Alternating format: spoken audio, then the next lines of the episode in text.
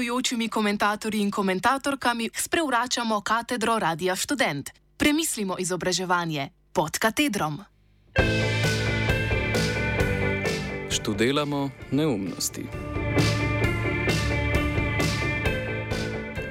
Bojda je Faust, ko je sklepal dogovor s hudičem, privolil tudi ureditev študentskega dela v zameno za javno univerzo.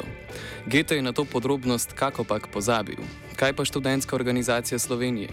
Do študentskega dela pri ŠOS, pa tudi pri DOS, diaški inačici organizacije, zauzemajo sila neobremenjen odnos. Ne le nujno zlo, študentsko delo je za njih nekaj samo po sebi dobrega. Teza pričujočega premisleka je preprosta. ŠOS in DOS do študentskega dela zauzemata problematična stališča. Odprto vprašanje, na katerega je težje odgovoriti, je, koliko temu pripomore eksplicitni interes po ohranjanju statusa quo, koliko pa splošna nezainteresiranost in nevednost.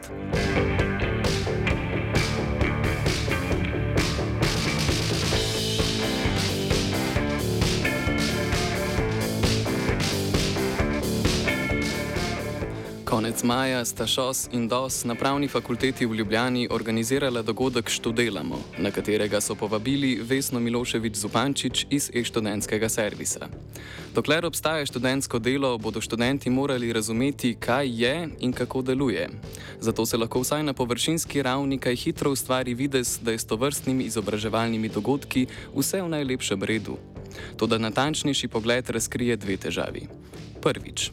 ŠOS in DOS zastopata stališče, da je študentsko delo dobra in celo zaželjena institucija. In drugič, ŠOS in DOS promovirata neučinkovite varovalke, ki v najboljšem primeru ne pomagajo nikomur in v najslabšem primeru služijo pranju rok študentskim servisom.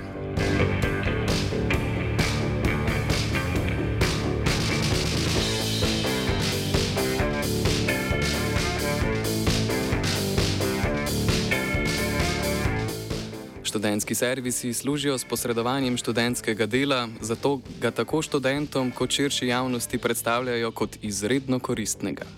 Vesna Miloševič Zupančič iz e-servisa, prej omenjena gostja na dogodku Študelamo, naj bi na nekem drugem dogodku trdila, da, citiramo, študentsko delo natakarja pomaga pri kasnejšem uspehu tudi recimo farmacevtu v lekarni. Tudi ta se na vse zadnje ukvarja tudi s tem, da ljudi postreže. Konec citata. Ni posem jasno, če je Miloševič Zupančič to dejansko rekla, vendar je e-servis v preteklosti študentsko delo že reklamiral s podobnimi slogami. Recimo, citiramo: Kirurg mora biti spreten z rokami, nič manj kot dijakinja, ki dela kot baristka. Ali pa podobno bizarno: Odvetnica mora biti odgovorna, nič manj kot študentka, ki dela kot varuška.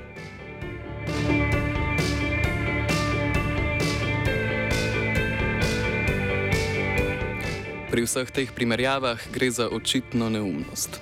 Farmacevt ima prakso v lekarni, kirurginja šest let specializacije, odvetnica državni pravniški izpit. Študentsko delo je za vse tri poklice povsem nepomembno in kvečemu oteži ter podaljša študij. Trg študentskega dela pač ni pravlična dežela, kjer bi študentski želji po samo aktualizaciji in samo spoznavanju po srečnem naključju sopadli z delodajalskimi interesi. Prvič zato, ker študente k delu večinoma sili potreba in ne pridobivanje izkušenj za kasnejši poklic, drugič pa zato, ker večino študentskega dela predstavljajo nekvalificirana opravila.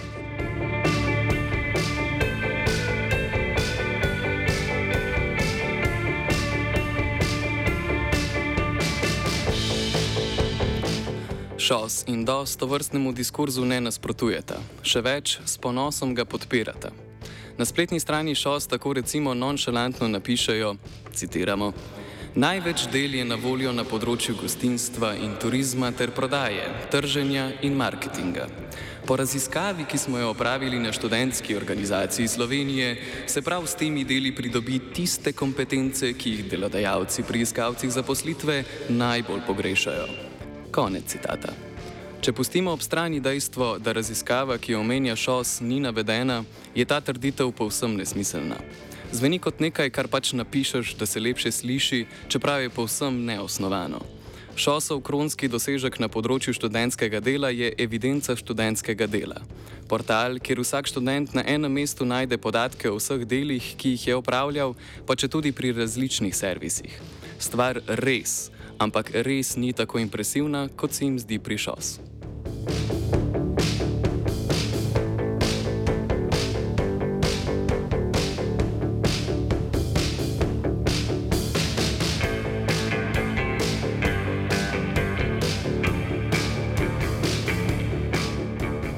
Kako bi se šos in dos dejansko morala izrekati glede študentskega dela? Prvič, glavni cilj bi moral biti, da študenti študirajo in ne delajo, oziroma da jim ni treba delati, da bi lahko študirali. Drugič, če že naj delajo, bi morali biti sekundarni cilj, da delajo tako, da imajo zagotovljene pravice. S tem prejdemo do druge kritike. Pravice in varovalke, o katerih naj bi ŠOS, DOS in e-servis izobraževali študente, so v najboljšem primeru abstraktne črke na papirju, v večini pa tudi nominalno neobstoječe.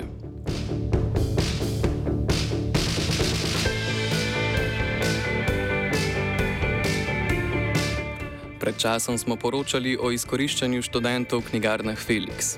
V tem primeru je postalo jasno, da je kakršnakoli pomoč študentskih servisov in študentskih organov impotentna. Študentsko delo je povsem prekarizirano in ne vključuje praktično nobene pravice. Še več, tudi samo izpolnjevanje osnovnih obveznosti, torej plačila, je pogosto problematično. Toda vloga študentskih servisov pri reševanju takih zagad je omejena. Prvič služijo le kot medijator, ki opozori delodajalca.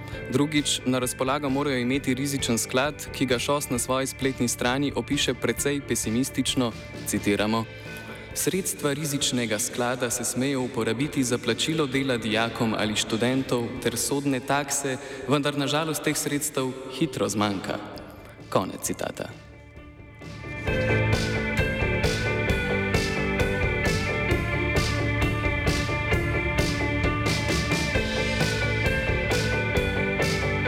Razno razni dogodki, na katerih e-servis izobražuje o študentskih pravicah, niso ravno najbolj uporabna stvar.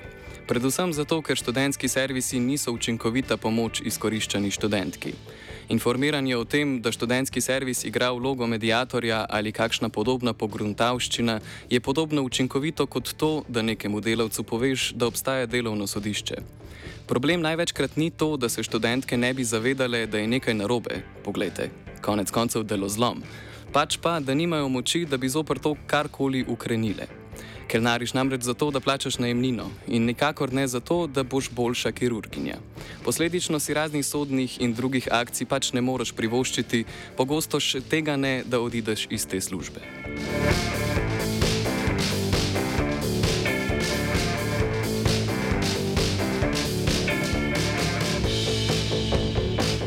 ŠOS in DOS študente v primerih zlorab pustite na cedilu.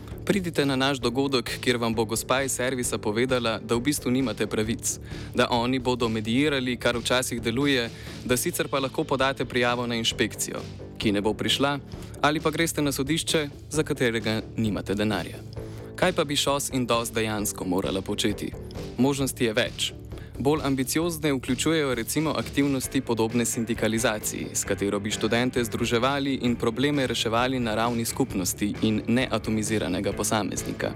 Če ne drugega, govorimo na vse zadnje o organizaciji, ki ima 7 milijonov letnega proračuna, kar bi gotovo pomagalo pri raznih tožbah in neizplačanih terjatvah. Konec koncev pa, lahko bi namesto dogodkov, kot je študiramo, pričeli s sistematičnim ozaveščanjem o disfunkcionalnosti študentskega dela. Zdaj o študentskem delu namreč pogosto govorijo tako, da izpade, kot da je razen občasnih anomalij vse lepo in prav.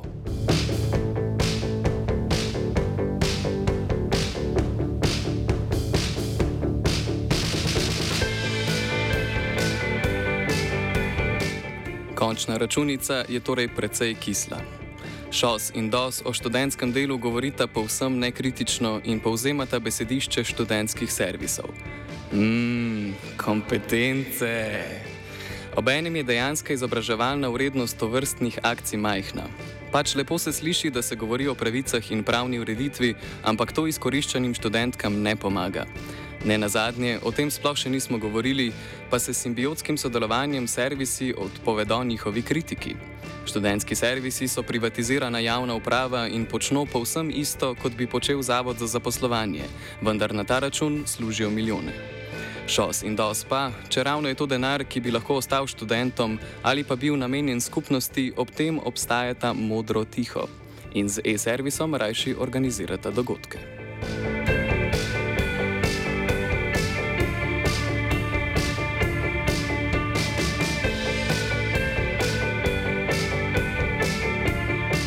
Ne gre samo za mlečno zobost študentskega organiziranja. S svojim delovanjem aktivno škoduje študentski skupnosti. Branijo študentsko delo in občasno celo zavirajo njegove reforme. Pomnimo, da nimo proteste s kockami ob reformah malega dela. Na ta način tako v širši javnosti, kot tudi med samimi študenti, širi prepričanje, da je študentsko delo nekaj zaželjenega, nekaj, kar študentom pomaga in za kar naj bi bili celo hvaležni. Študentsko delo je tako normalizirano, da se nihče več ne vpraša, ali ne bi bilo bolje, da bi študenti samo študirali. Še več, ogorčeni gostinci se zadnje čase jezijo, češ nimamo dovolj študentov za potrebe gostinstva in turizma. Za povrh pa šos in dos še legitimirata obstoj zasebnih študentskih servisov.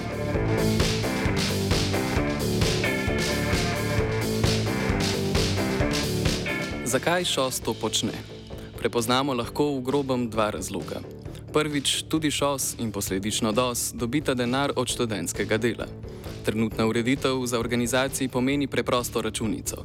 Več kot bodo študenti delali, več bo denarja. Tu tiči razlog za simbiotsko parazitsko zvezo med študentskimi organizacijami in študentskimi servisi. Toda drugič, tako kvaliteta kot tudi osnovna motivacija kadra v študentskih organizacijah sta precej nizki. Študentsko organiziranje je precej inertna struktura in zagovarjati študentsko delo terja precej manj intelektualnega napora in povzroča precej manj preglavic kot nasprotovanje. Študentski funkcionarji se pogosto hvalijo, da radi delajo. Morda radi delajo, vendar delajo neumnosti.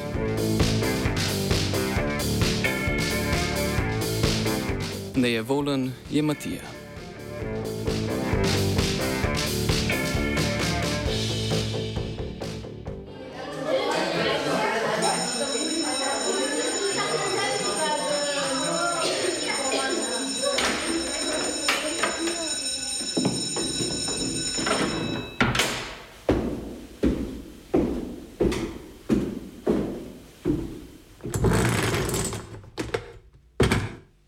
Gostujočimi komentatorji in komentatorkami sprevračamo katedro Radia Student. Premislimo izobraževanje pod katedrom.